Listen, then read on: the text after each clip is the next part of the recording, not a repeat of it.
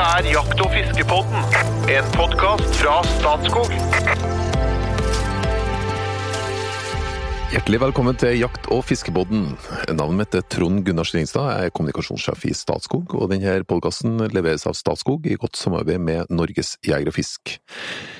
I dag er det de tre musketerer som sitter i studio helt alene, uten ekstra gjester, så det er meg. Og så har vi Jo Inge Bresjeberget, fagsjef i Statskog, Hallo, hallo. og ikke minst informasjonssjef i Norges Jeger og Fisk, Espen Farstad. Hei, hei. Nå begynner jo det begynner å vokse på seg med episoder nå. Det begynner å bli tomt eh, i kunnskapen på andre sida. Og langt ifra. Nei, ikke noe fare ennå, tror jeg. Nei, vi har så mye, vi har så mye vi skal ha sagt. Vi, ser- vi ser ikke bunnen ennå. Nei, langt ifra. Vi kan drive på en stand til, i hvert fall. Det jeg lurer på, det er vokser det samtidig? Liksom, blir vekker det en større interesse også hos dere, for å, for å lære dere enda mer? Det Det, er det, det, det gjør det faktisk. Og i dag som vi skal prate om, du har jo ikke sagt hva vi skal snakke om ennå, men selvfølgelig da, da dykker vi litt spesielt inn i den igjen, liksom. Vi Refresher litt det vi kan, og, og tenkte, har ikke jeg hørt at det var litt slik, og så må vi gå til litteraturen og lete litt og holde på litt, ikke sant. Så det gjør jo det. Så vi blir jo klokere, vi òg. Ja, og så er vi fra favorittemaer til over i litt mer utrerte temaer. Altså, eh, Det er enklere for meg å prate om bukkejakt og skogsfugljakt enn makrellstørje, eksempel, som Ja, ja, ja. tidligere episode, men det, det er litt artig. Og så blir vi oppdatert på nye ting og nye arter. Og... Og så har det, får vi òg en del tilbakemeldinger.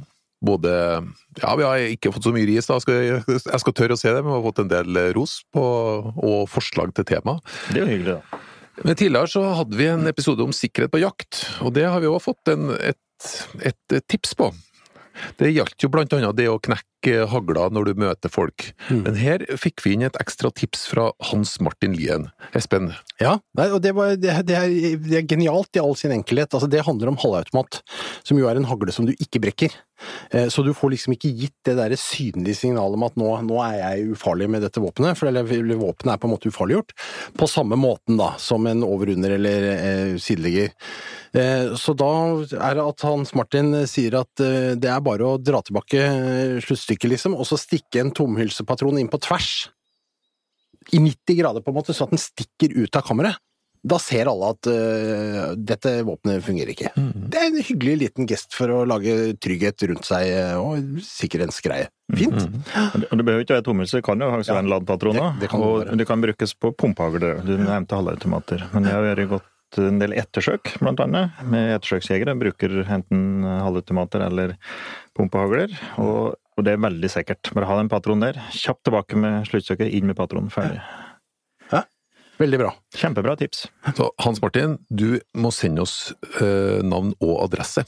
Nå har vi navnet, men vi, vi trenger adressen din, fordi at eh, når vi får tips som vi, som vi eh, leser opp i studio, så kommer det en eh, uvurderlig vakker T-skjorte i retur i posten. Da må han jo også oppgi størrelse, og om han ønsker seg en svart eller hvit jakt- og fiskepod. Det er, det er flere spørsmål her nå som Ja. vi må notere. Vi må ha navn, adresse, størrelse, farge.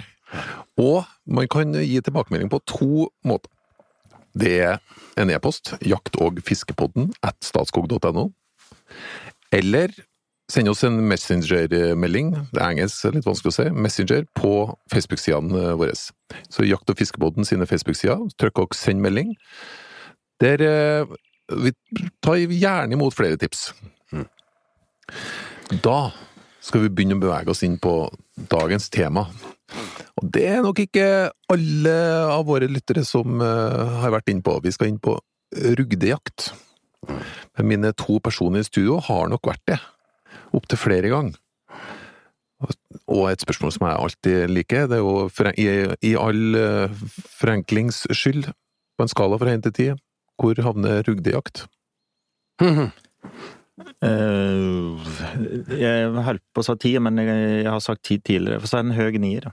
Nei, du, for meg er dette Jeg er ingen dreven rugdejeger. For meg er rugde noe som eh, spretter opp av lyngen og skremmer, liv, skremmer livskiten ut av meg når jeg går på vanlig skogsfugljakt. Så for meg er dette en, en hyggelig bonus. Femmer, liksom. Det er ikke noe jeg har noe lidenskapelig forhold til. Men jeg har et veldig ønske om en gang å gå ordentlig på rugdejakt. Men, men det kan vi komme tilbake til etter hvert, kanskje. Da Ja, kanskje da det stiger den opp på skalaen. og det er, eh, det er derfor jeg kan si at det er en, eh, det er en nier på skalaen. Samtidig så er det jo sånn Jeg tror det er litt sånn fra dine dager som skytter, og det, det er god samling ganske høyt på alt som har med Spesielt med jakt å gjøre til deg. Jo Inge, så er jeg litt sånn usikker på om du bruker hele skalaen. Nei, jeg har ikke så mye som er i batten der. Nei. jeg må innrømme det. Men rugde, det er en ganske ja, for, for meg litt ukjent fugl. Hvilken type fugl er det? For mange er det en eh, ukjent fugl.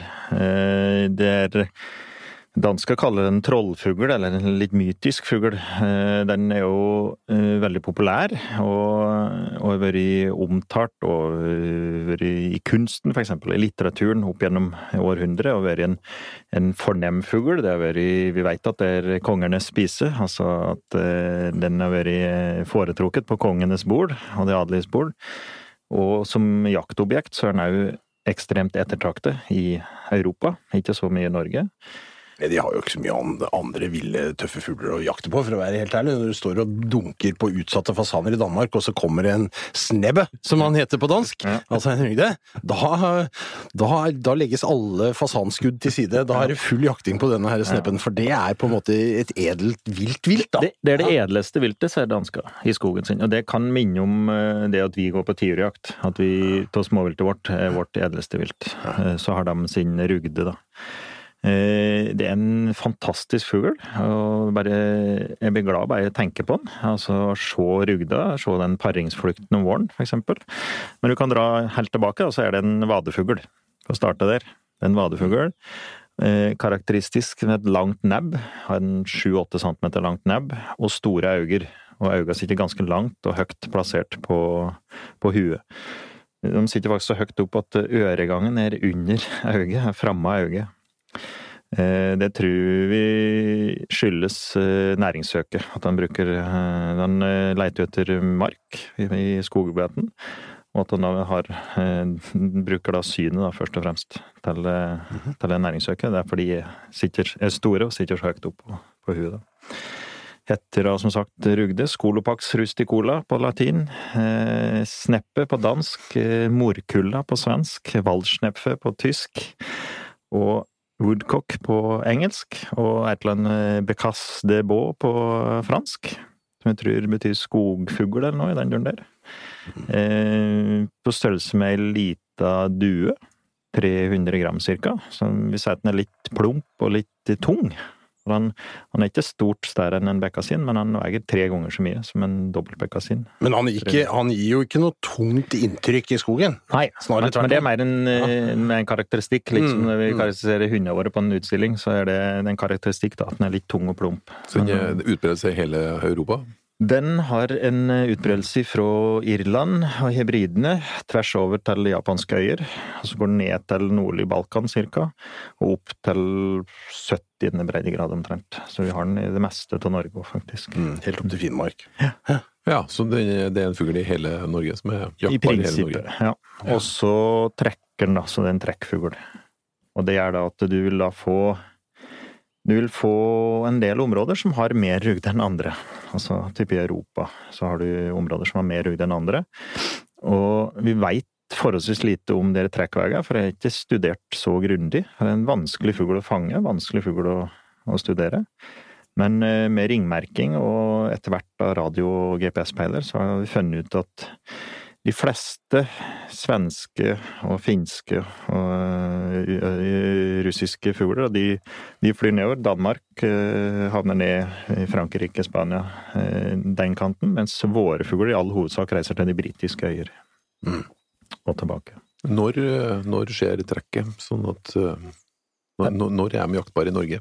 Det er et vår- og høsttrekk, så eh, de forlater typisk eh, fjellområdene våre når det begynner å bli snø og frost på bakken, som ikke klarer fødesøket lenger.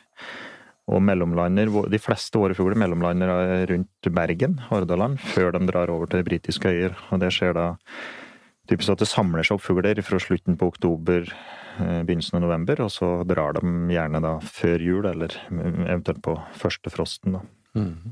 Men i fjellområdene, sier du?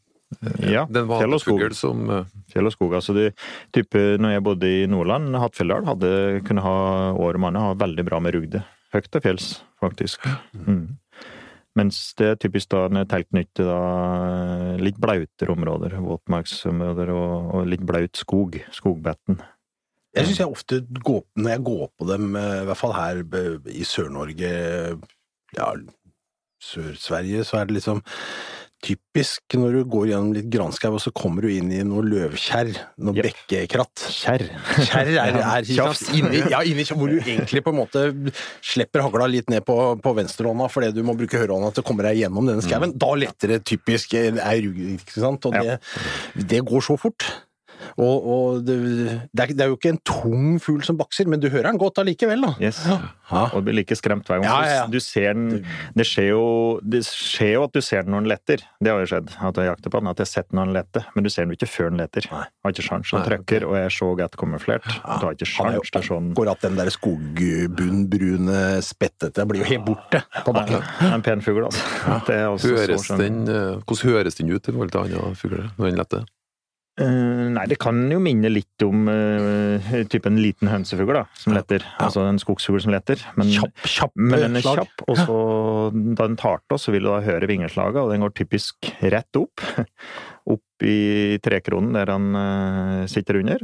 Og så detter ned igjen før den svinger i sikksakk videre. Okay. Ja. Ja, ja, Så, så det er typisk du er på den der, og så eh, når den går opp, og så drar den ned for å få luft, og så sikksakk videre. Vanskelig flukt. Er det en skogsfugl?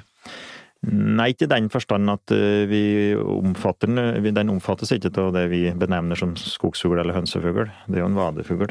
Men den, den eh, hekker jo da, og er jo i vanlig skogtrakten her. Eksempel i Øst-Norge her. Jeg bor. Vanskelig, altså, vanskelig, vanskelig kjappe, vanskelig skudd, rett og slett. Og den er som du sier, litt sånn sikksakk. Altså, du skyter i sikk når den er i sakk, liksom. Altså, det er litt uh, Ja. Den er ikke, det er ikke bare bare. Mm. det, vi skal snart inn på vår, vår predasjon, men uh, hva som er de største utfordrerne? For De største predatorene uh, på Rugde? Nei, det er jo all hovedsak Den er jo bakkehekkende. Eh, Den ruger jo på bakken. Og, og da er det typisk eh, ifra april og like ut av juli så flyr hannen en eh, paringsflukt. De, de flyr, og så knorter og pister seg. Så jeg tenkte kanskje vi skulle ta oss og finne fram den lyden, og så kan vi høre på den. Skal vi gjøre det?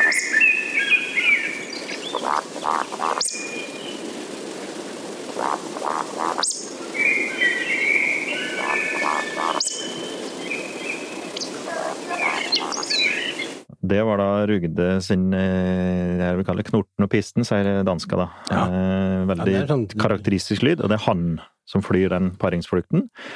Og flyr på fast traseer, og så møter den en annen hanne, så vil du se at de flyr mot hverandre, en slags duell i lufta, og så forsvarer han i prinsippet sitt revir, da. Og når da en hunden eh, sitter på bakken der og vil ha besøk av denne hannen, så gir hun et signal, og så er den på med en gang. og, en, og det er typisk voksne hanner, det her. Og en voksen hann kan da betjene opptil fire hunder, er det funnet ut av. Og hun legger fire egg på bakken, mens hun, hun ligger da som bakkeruger og vil da være utsatt for predasjon av typisk rev, mår, mink, røyskatt. Alle predatorer som, som reker på bakken. Da. Først og fremst pattedyr. Og kan være katter for den del, men altså alt som Alle predatorer som er, eh, reker på bakken. Og og de hannene, de forsvarer sitt revir og, mm, og eh, trenger vekk andre unge hanner. Så i de, jeg skal si, de gode åra så er det kun de voksne hannene som flyr og har den paringsflukten. Tar du bort den voksne hannen, så vil det alltid være flytere med unge- yngre hanner som vil ta hans plass. Og det har forsvart da, type den jakta vi har bedrevet. Da? Det har liksom vært grunnlaget for den jakta vi har, at det alltid er noen flytere i bestand. Og det var jo vanlig med mm, vårjakt på Rugde. Mhm. Vårtrekket. Våretrekket mm, det var det. eh, var en vanlig jakt. De drev på med det i Sverige til 98. Jeg husker ikke faktisk helt tid vi sluttet med det i Norge. 72 i Danmark og 98 i Sverige. Ja, det er lenger tilbake at vi drev med det, da. Eh, Det var da hanner på trekk, og de er ganske forutsigbare, for de kommer tilbake i samme ruta. Og det var vårjakt. Og over 99% av de fuglene som ble skutt, var hanner. Og så ble det jo da funnet en og annen ho som ble skutt, og så fikk den jakta en, en slutt, da. Jeg leste en, en sånn lokalhistoriebok fra Asker, eh, gammel, og der var det en historie om, om eh, en rugdejeger på vårtrekket, for det er som du sier, det er helt forutsigbart. Ja. Så han stelte seg på, og det rugdetrekket det gikk over jernbanelinja på Hvalstad i Asker, Mm. hvor det for øvrig var Nord-Europas største trebro i sin tid, så han sto liksom på fundamentene der. Og det der rugdetrekket, det passa akkurat med Bergenstoget som passerte, eh, og da blei dette en politisak, for der sto det altså en bevæpna mann hver ettermiddag liksom, på det der rugdetrekket og skulle skyte disse rugdene, da. Så artig greie. Men det er historie. Det er historie. Eh, biologisk, da, bare for å forsvare det, så, så er det eh, for så vidt ufarlig, da. Altså du, du høster hanner, og det er hanner i bestand, så det, det vil antageligvis ikke ha noen påvirkning, eller noen særlig påvirkning på bestand, at vi hadde høstet hannen, og det er da flyter i bestand, da, som vil ta over de sin plass. Men vi skyter jo ikke så mange rugder i det hele tatt. Vi fant ut litt under 2000 Ja, vi året. Vi ligger på ca. 2000. Går tilbake til 90-tallet, så var vi oppe i 5000-6000. Men nå er vi på en, ca. en par tusen i året, mellom ja, 1700 og 2000 rugder. Så, Av en europeisk bestand på ja, det er anslått en europeisk bestand på 37 millioner. Og jeg har hørt eh, at vi i Skandinavia, Norge og Sverige, har en bestand på halvannen million i hvert fall. At vi høster av ca. 2000 av de er ganske ufarlig. et varsomt uttak. Ja, det er ganske forsiktig uttak. Ja, det- Og det er Men, ikke, eh, som jegere så kunne vi kanskje si at det, det hadde vært uproblematisk at vi høster noen flere. Og hvis noen eh, kan være interessert i det, da, da har de lyst til å høre på hvilken måte skjer noe i denne jakta. Ja, eh, Espen driver bifangst da, eh, ved skogsfugljakt, og rypejakt. Det skjer jo tidlig i rypejakt at de er eh, helt oppe i fjellet. Eh, typisk eh, i mine trakter, du har jo vært hos meg på jakt og sett det der eh, tjafset vi har ned til elva langs Glomma, det er typisk rugdehabitat. Og da rugde på trekket kan komme der i ganske store mengder. Og da er det typisk eh, du på støkkjakt, da. Det kan ligne litt på støkkjakt på skogsfugl. Du tar opp rugda, skremmer den opp på støkk, og så skyter den i flukt, da. Men eh, jeg har eh, ja, jeg hadde i mange år, så var jeg brukte ca. ei uke i året på å jakte rugder i Danmark. Og da, da dro jeg typisk først i november. Det var eh, det danskene kaller sneppefall. Når de rugdene kommer trekkende, så, så prater de om i prinsippet at det regner rugde, da. De kommer i store mengder. Og de gode rugdejegere de mister tid det her skjedde. Og det er typisk på første frosten i fjella her i Skandinavia, så kommer, kommer de på trekket. Ja. Og da mer eller mindre regner de ned i typisk Nord-Jylland, og de øyene utafor Mols og de øyene utenfor, eh, mellom Sverige og Danmark der. Noe av de beste rugdeterrenget i Danmark. Men vi har noe av det samme hvis du drar til, til Farsundtraktene og Ja, der nede, så har du noe av det samme der. Og rundt Bergen òg. Ja, de, de kommer dit, så skal de da over Nordsjøen mot England, og da er de avhengig av litt gode forhold, og så hviler de seg litt, og så slår de seg ned der. Sitter og manner og kvinner seg opp før Ja, overfarten. Og, og det, det er tungt for dem å fly. For de er, det er jo en værfugl, de er jo avhengig av god vind, helst, for å komme seg over. Og det er mange beretninger da, om eh, fiskebåter eh, utenfor Danmark. som De rugene har kommet på avdrift på sterk vind, og så har de ikke nådd land, og så detter de ned på fiskebåter, eksempel. vet du hva, hvis du går inn på Artsdatabanken og ser på registrerte funn av rugde, så er det ganske mange ute i Nordsjøen. Yep. Og det er relatert til at det detter ned på båter, at Og- de kommer og hviler på båtene, rett og slett. Og til og med Spitsbergen. Ja. Og så til og med til Svalbard har det kommet regn, rype eller rugde. Og jeg vet òg at det er dokumentert europeiske Eller de tror de kanskje kommer fra Azorene, men eh, kan være europeiske. Altså vår, vår rugde har havnet helt ut på Newfoundland. Og den som ene som er dokumentert der, den vog nesten 400 gram. Og en vanlig, vanlig tung rugde veier 300 gram. Så det var en skikkelig bjese. Kanskje oljeplattforma òg er, i bruk. Kan godt tenkes. Ja, altså som er ute på drift. Ja. For de skærer over, og så er det, er det vanskelig nok for dem å komme over. Altså. Og typisk da Nord-Jylland i Danmark, der jeg jakter, så, så kunne det være store mengder rugde. Mhm. Og jeg jakter da sammen med en pasjonert dansk rugdejeger, og jakter med stående hund, som gjør på skogsfugl. Og det var faktisk engelsksettere vi jakter med. Men jeg har hørt at, at da de første bretongene ble tatt inn i landet her, så var det rugdejegere som, som tok det inn. Ja. Altså en skogs... En stående fuglehund som ikke går for hvitt. Jepp. Eller at dansker bruker eh, type støtenhunder, da, spaniels, Ja. som bare jobber inni haglehull, veldig intenst, og så bare skremmer opp fuglene. Okay. Mm. Eh, Det er ikke vanlig å bruke engelsettere som jeg har brukt, da. Nei. Det er ganske uvanlig, men de gikk veldig trangt, og var typisk trent til det, og forster òg, for den del, Mm. eh, som jeg har brukt. Så de tar, de tar stand som på Tar stand som ja. på en annen fugl, og noen ganger så trykker eh, type da, kan rugden trykke ganske bra. Andre ganger så er de lette, da. Vi sier at de er ville fugler, at de bare reiser. Og de går jo på bakken òg. Yep. Akkurat som en tiur, liksom. De yep. smyger seg unna. Det kan være veldig vanskelig, Ja. og eh, frustrerende vanskelig noen ganger, og så andre ganger litt enklere. Eller, eh, og skuddet er stort sett vanskelig. For jeg, Mm.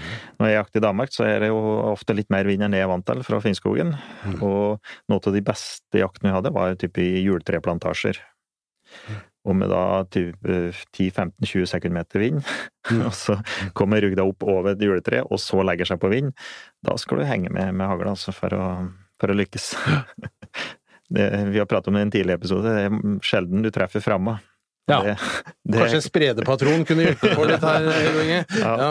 det er sjelden du treffer fram. Ja, Hvor går det hen i Norge, da? Sånn, eh, når, når du går på rugdejakt? Nei, da, i de terrengene jeg har, da, så er det typisk da en slik eh, Hva skal jeg si oversvømme eh, skoglands Glomma i det ene terrenget jeg har. Så er det lauvskog og kjerr og kratt som er typisk typ blir oversvømmet i flommen. Og så er det litt våtmarksområde. Det liker Rugda ganske godt. Og det kjenner de at når de kommer på trekket. Så Men er, er vi på en måte på Hvis du snakker, trøndersk blautmyr, er det, er det bløtt nok? Liksom? Uh, ja, men ikke nødvendigvis på myr. De, de er knyttet til skog. Og Når de kommer trekkende, så er de i skog for å få beskyttelse. Og, Ja. og, og så er de, av- ja, de er på fødesøk, så er de jo de eter i all hovedsak merk, som de hakker opp med det lange nebbet sitt. Og det finner de jo da i skog, da, og skogbetten. På Sørlandet så finner du det i sånn der eikeskog, ikke sant, typisk, Mm. og der blir de jo også Du, kan se for deg sånn brunt eikeløv på bakken, ikke sant? Nedi der rasler men du ser dem jo Ja. ikke, men Nei. de spretter opp. Du kan faktisk se um, i, um, i blaut skogbetten, da, så kan, og når det er mye rugde, så kan du faktisk se de hakkemønstre etter at de har vært og hakket etter mark på bakken. Og, og noe til det andre terrenget jeg husker når jeg jaktet som mest i Danmark, var litt blandingsskog. De, um, dansker har jo ikke den blandingen, naturlige blandingen til skog som vi har, det er jo stort sett pleid og, plante planteskog. Men da var det en blanding av lerk og bjørk. Altså en Akkurat. en blanding av lerk og bjørk som var slik passe åpent, og med lauv i betten. Mm. Og, og den fikk den blaute skogbetten. Det var mega rugdehabitat. En sånn liten greie rundt dette her med selve jakta er jo at, at uh, hvis du er så heldig, må jeg nesten si, eller flink da, at du skyter dublé på Ja. rugde, Ja.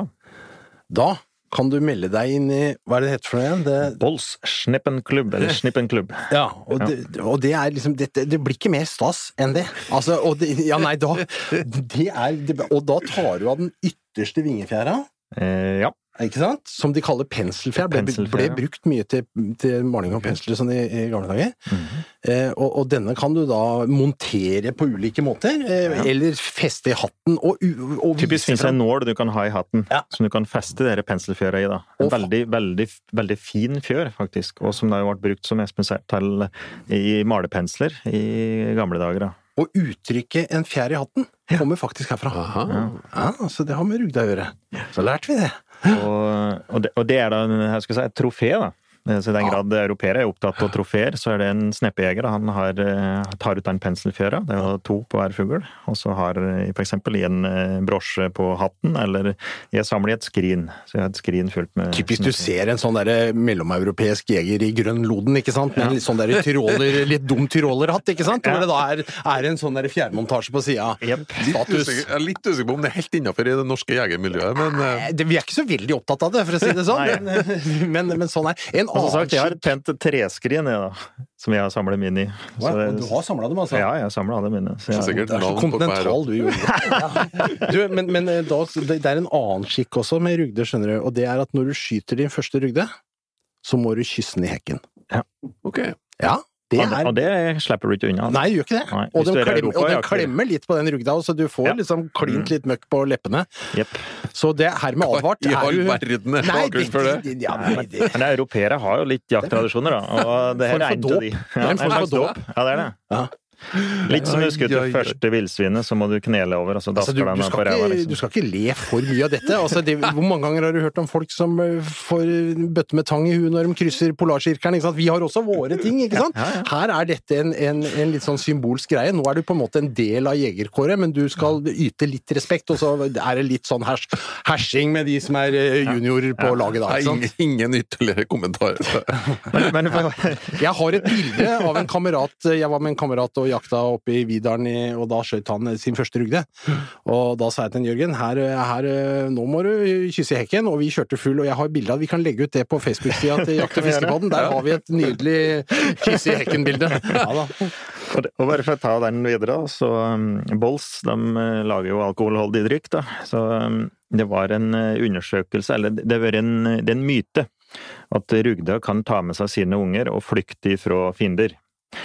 Og det er da illustrert i kunsten etter alle kunstens regler. Eh, Gamle JB Barth, vi har pratet om tidligere, forsmester Barth, han hadde sett det, at rugda tok med seg ungene sine. for Det er en av de mest seiglive mytene rundt rugda. At hun enten holder dem mellom beina og fletter en og en unge, eller at han faktisk fløy på riggen på rugda. Og veldig troverdige folk har påstått at de har sett dette her. Ingen forskere har klart å dokumentere det, men det blir påstått, og det er dokumentert i kunsten. ikke sant?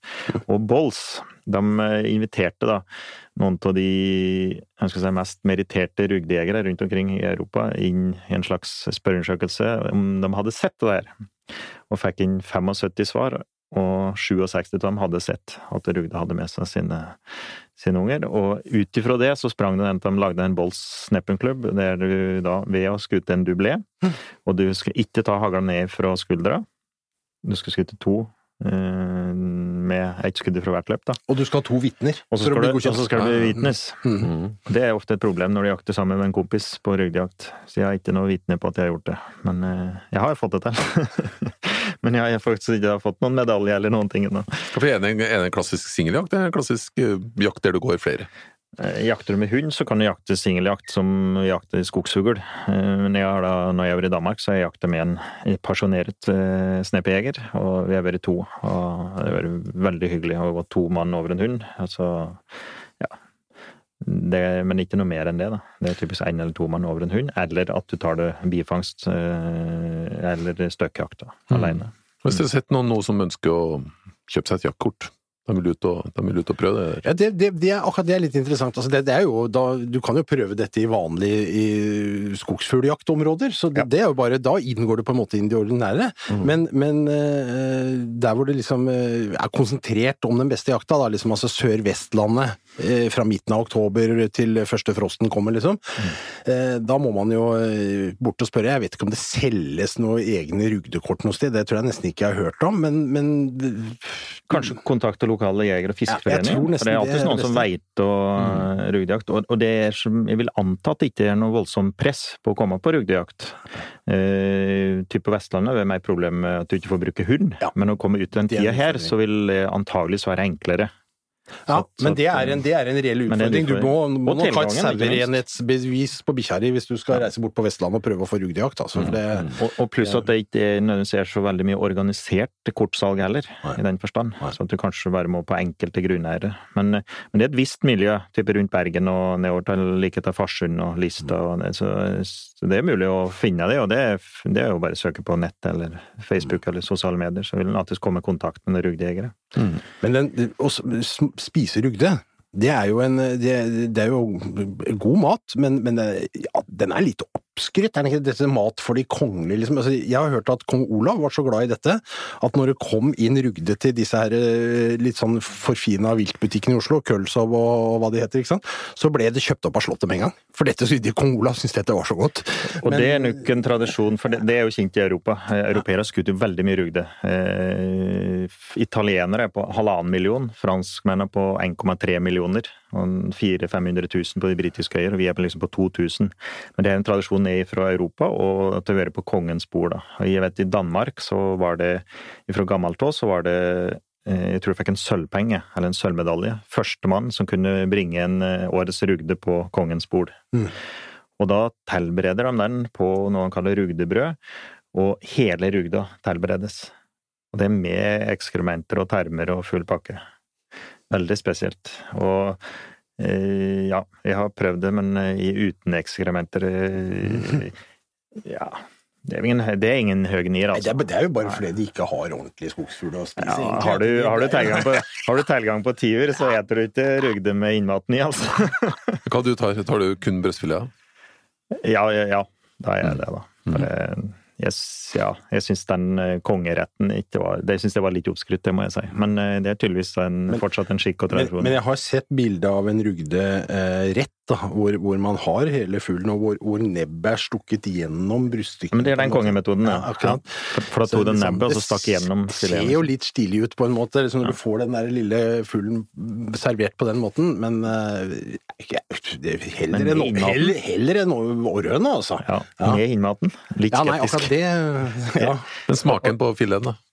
Nei, for den, eh, den eter jo da i all hovedsak kryp og mark. Og Ja. den, du blir jo ofte det du eter. Så, at, eh, så maten, eller viltsmaken er annerledes enn hønsefugl, det, men vi går ikke så langt at det blir transmaker? Nei, nei, det er det ikke. Men han er litt mildere enn mildere enn den tradisjonelle viltsmaken, syns jeg. Ja, det, kan ikke helt sammenlignes med skogsfugl, hønsefugl. Mm. Altså. Finnes det gode oppskrifter på nettet? Hvis du, for det, er litt, det blir jo litt spesielt der, men eh, Ja, eh, Ja, ja. Det er ikke vanskelig å finne oppskrifter. Nei. Men selv i norske kokebøker så finnes det eh, Jeg var med og begått en kokebok en gang, og fikk med rugde der. Så det fins rugdeoppskrifter. å- Altså, å få til. en bitte liten ting til. Eh, patron. Hvis du, nå- altså Espen han, han jakter jo egentlig på noe annet, Mm. og så kan han også skjøte rugde. Mm. Mens hvis du går på, eh, går på rugdejakt, hvilken haglepatron bruker du da?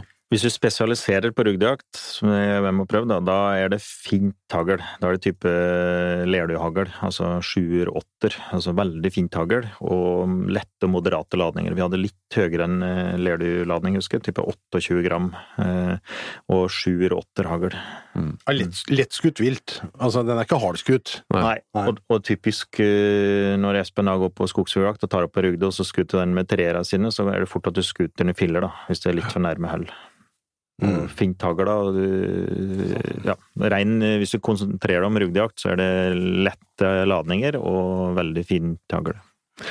Jeg syns det var spennende å høre. Mhm. Det er faktisk en ganske stor jaktmulighet som relativt få utnytter. Mm. Og den kan skje i hele Norge, men du har spesialområder.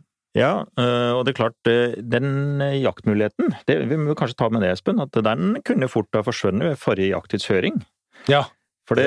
Mm. da lå det et forslag, det var etter en veldig hard vinter i 2010 som var her. Vi hadde like Sibirkulde, for de som husker det. eh, Hard vinter, og det er noen individer da, som overvintrer. Det vil vi se med klimaforandringer, at det er en art som kan tilpasse og overvintre her. Mm. Blir flere. Mm. Og blir flere. Og da var det noen overvintrende individer som rett og slett frøs i hjel, og som da ble oppdaget og funnet. Og det kom da et forslag om at vi skulle stoppe rugdejakta 1. For å ta hensyn til våre endemiske da, rugder. Eh, og da engasjerte vi oss sammen med Jeger og Fisk, og la ned en grundig innsats. Og støttes på forskning fra annet Frankrike, Italia og britiske øyer. Og overbeviste da om at eh, vi ikke skulle stenge rugdejakta 1.11., og det hadde i prinsippet ved kroken på døra for den rugdejakta vi bedriver der eh, sør- og vestlandet, da, mm. der, eh, før de trekker. Nei, så det var, det var, en viktig, det var egentlig en viktig kamp, i anførselstegn, at vi fikk opprettholdt den jakttida. Og nå er jo jakttida da på Rugde det samme som for skogsfugl ellers, ikke sant? 10. september til 23. desember. Og så eh, jeger og fisk. Statskog har noen, og jeger, jeger og fisk har veldig mange. Såkalte introjakter. Finnes det introjakt på Rugde? Det har jeg ikke sett, men jeg skal ikke si at det ikke fins. Det, Det skulle jeg kanskje- det skulle jeg kanskje ikke. Altså, en av våre representanter i forbundsstyret, Tina Dyrstad Fossdal, hun eh, hun er leder av ungdomsutvalget vårt. eh, Veldig, veldig ivrig rugdejeger. Hun bor i Farsund. Ja. Så om hun har eh, et tilbud om vinterjakt eller ikke, det er jeg litt usikker på. Da går vi ned for landing.